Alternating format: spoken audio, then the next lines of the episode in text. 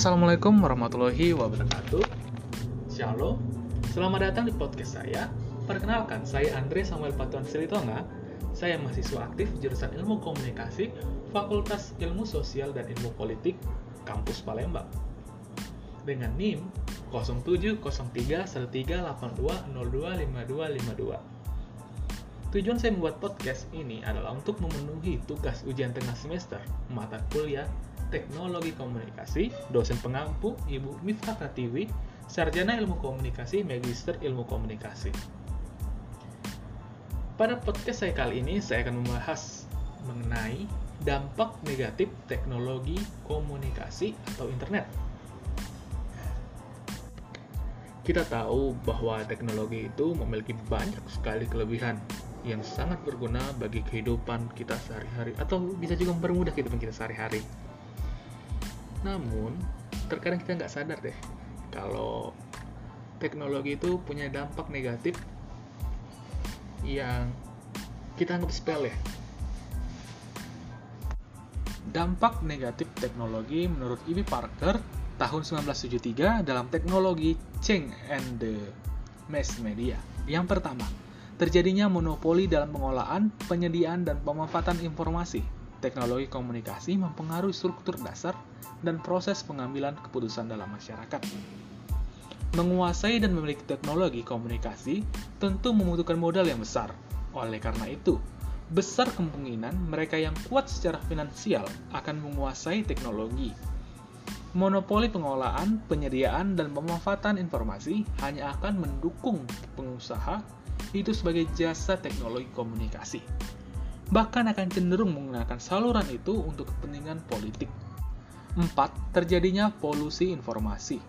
Polusi informasi cenderung timbul bila ada kompetisi ketat dalam memperebutkan perhatian kalayak. 2. Tidak ada mekanisme pengadilan yang efektif untuk mencegahnya. Polusi informasi juga terjadi jika ada mekanisme yang mengatur proses menyebaran informasi, Mekanisme pengadilan itu bisa hukum, peraturan pemerintah, undang-undang, komisi etik, atau pemerintah dengan kewenangannya. 5. Terjadinya invasi terhadap privasi. Dengan berkembangnya teknologi komunikasi, maka pesat pula pertumbuhan berbagai perusahaan pengumpul, pelayanan, dan pendistribusian segala jenis data, termasuk yang bersifat pribadi. Sesuatu yang privasi akan cepat berubah menjadi konsumsi publik. Ini sering terjadi kepada influencer ataupun artis-artis papan atas yang ada di Indonesia ataupun yang ada di luar negeri, yang internasional. 6. Timbulnya permasalahan yang berkaitan dengan hak cipta. Masalah pelik lain yang berkaitan dengan perkembangan teknologi komunikasi adalah terkait hak cipta. Banyak foto atau hal lain yang dipublikasikan tanpa disebutkan sumbernya. Dari pelanggaran hak cipta ini bisa kita temukan beberapa catatan yakni teknologi komunikasi pendorong pelanggaran hak cipta perlu didukung pemerintah dalam menekan hukum hak cipta. Kurangnya apresiasi masyarakat atas karya intelektual. Selanjutnya kita akan membahas dampak teknologi komunikasi. Ada banyak sekali dampak teknologi komunikasi. Yang pertama, dampak sosial. Dampak sosial ini juga dibagi menjadi tiga bagian. Yang pertama, teknologi mengatasi ruang dan waktu. Saat teknologi modern belum ditemukan, dua orang yang berbicara harus bertemu secara fisik di sebuah tempat. Karenanya, teknologi komunikasi mengatasi ruang dan waktu. Saat orang berbicara dengan orang lain, tidak akan terbatas pada ruang. Tak terkecuali orang tidak harus menghabiskan waktu hanya untuk bertemu orang lain dan berkomunikasi. Yang kedua, manusia mulai akrab dengan benda ketika orang-orang berkumpul satu sama lain tidak akan lepas dari yang namanya smartphone. Inilah yang dikatakan manusia mulai akrab dengan benda. Bahkan era sekarang masyarakat terkena gejala nomophobia, no mobile phone phobia. Karena ketergantungan yang tinggi pada smartphone, mereka akan gelisah dan cemas apabila smartphone-nya ketinggalan di rumah. Itu saya alami juga ya. Gejala nomophobia pada penelitian terhadap aktivitas mahasiswa oleh Nurdin tahun 2016 dengan judul Teknologi Komunikasi dan munculnya gejala nomophobia. Bisa ditarik kesimpulan yakni yang pertama, munculnya manusia teknologi menurunkan aspek kemanusiaan. Cirinya, ketergantungan pada teknologi dan diperbudak oleh teknologi. Kedua, perubahan perilaku di kalangan aktivis mahasiswa terjadi ketika mereka merasa ada yang hilang tanpa kehadiran teknologi digital dalam genggamannya. Ketiga, munculnya makhluk individualis yang terasing dari lingkungan sosial. Selanjutnya dampak sosialnya itu ketergantungan tinggi pada teknologi. Ketergantungan yang dimaksud di sini adalah saling ketergantungan antar manusia sudah mulai menurun. Manusia mulai tergantung menggantungkan kehidupannya pada teknologi. Ketergantungan manusia dengan teknologi mengakibatkan miskinnya pergaulan sosial dengan sesama. Kedua, dampak budaya. Dampak budaya ini juga dibagi menjadi tiga. Pertama, budaya seragam. Teknologi telah memungkinkan terjadinya pertukaran informasi antara komunitas, kelompok, bahkan negara dengan cepat. Untuk itu, saling mempengaruhi dan pertukaran antar kelompok tidak bisa dihindari atau lebih kita kenal dengan dampak globalisasi ya. B. Imperialisme budaya. Teknologi komunikasi juga memunculkan imperialisme budaya.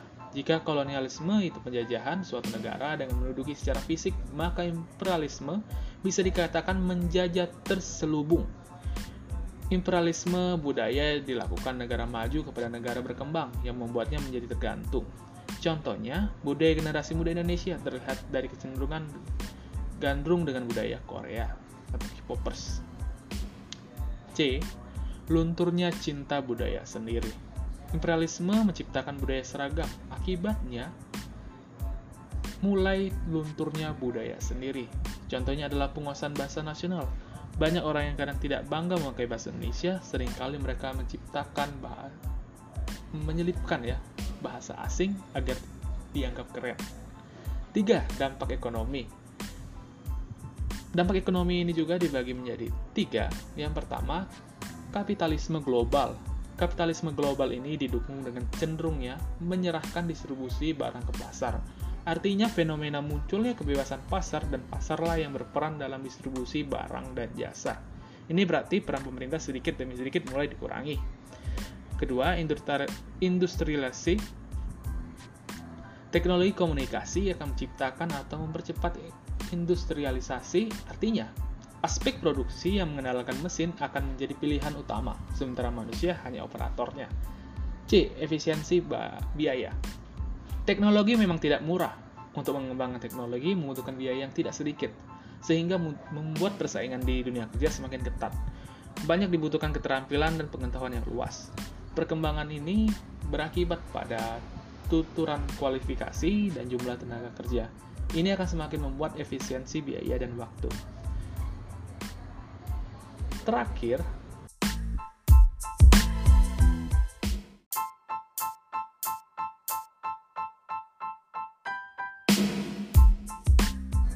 dampak politik. Dampak politik ini dibagi menjadi tiga poin. Yang pertama, demokratisasi Teknologi komunikasi telah memberikan pengaruh pada warta negara untuk berpartisipasi secara lebih baik dalam pemerintahan. Demokratisasi yang diakibatkan oleh teknologi berkomunikasi juga membuka mata banyak pihak di negara berkembang akan pentingnya partisipasi rakyat dalam pemerintahan. Hampir semua negara melaksanakan demokrasi, termasuk Indonesia. Kedua, penjajahan politik. Penjajahan politik ini dimaksudkan adalah bahwa sebuah negara yang mengadopsi sistem politik negara lain bisa dikatakan terjajah secara politik. Penjajahan ini bisa dikatakan adanya ketergantungan dalam sistem politik antar negara. Terakhir, transparasi politik. Teknologi komunikasi juga berdampak pada transparasi politik. Politik yang sebelumnya tertutup lambat laun akan terbuka karena tuntutan masyarakat. Adapun antisipasi dampak antisipasi dampak perkembangan teknologi komunikasi dapat dilakukan dengan tiga cara. Yang pertama, literasi teknologi. Yang kedua, peran pemerintah. Dan yang ketiga adalah kesadaran masyarakat. Sebelumnya saya sudah membahas dari dampak negatif dari teknologi, saya akan membahas sebentar mengenai dampak positif perkembangan teknologi komunikasi. Yang pertama, menghubungkan orang di seluruh dunia. Perkembangan teknologi komunikasi saat ini memiliki dampak global, Artinya, jika dulu Anda memiliki keterbatasan jarak untuk bisa berkomunikasi dengan orang lain, tidak demikian dengan sekarang. Tidak terbatas oleh kota dan terwilayah saja. Komunikasi saat ini dapat terjalin bahkan ke semua orang yang ada di seluruh penjuru dunia. Bukan hanya di itu saja, Anda pun dapat terhubung dengan cepat, bahkan dalam hitungan detik saja. Kedua, penyebaran informasi yang cepat. Perkembangan teknologi juga memberikan dampak positif pada penyebaran informasi. Jika dulu Anda mengandalkan surat kabar atau televisi untuk tahu informasi terkini, sekarang dengan internet mengambil peran keduanya Kehadiran internet membuat penyebaran informasi terjadi dengan sangat cepat, bahkan real time. Apakah yang terjadi detik ini di belahan bumi lain? Dapat secara langsung Anda ketahui saat ini juga.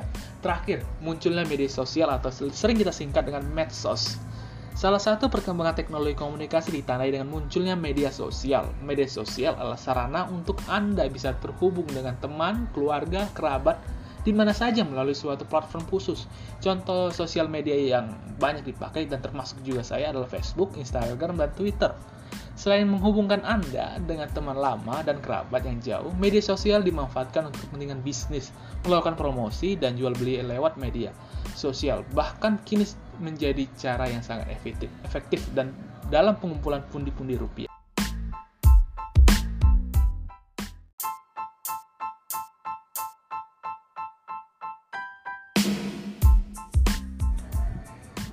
Baiklah, sekian materi yang bisa saya sampaikan. Lebih dan kurangnya saya minta maaf. Sekian, sampai jumpa pada podcast saya yang selanjutnya.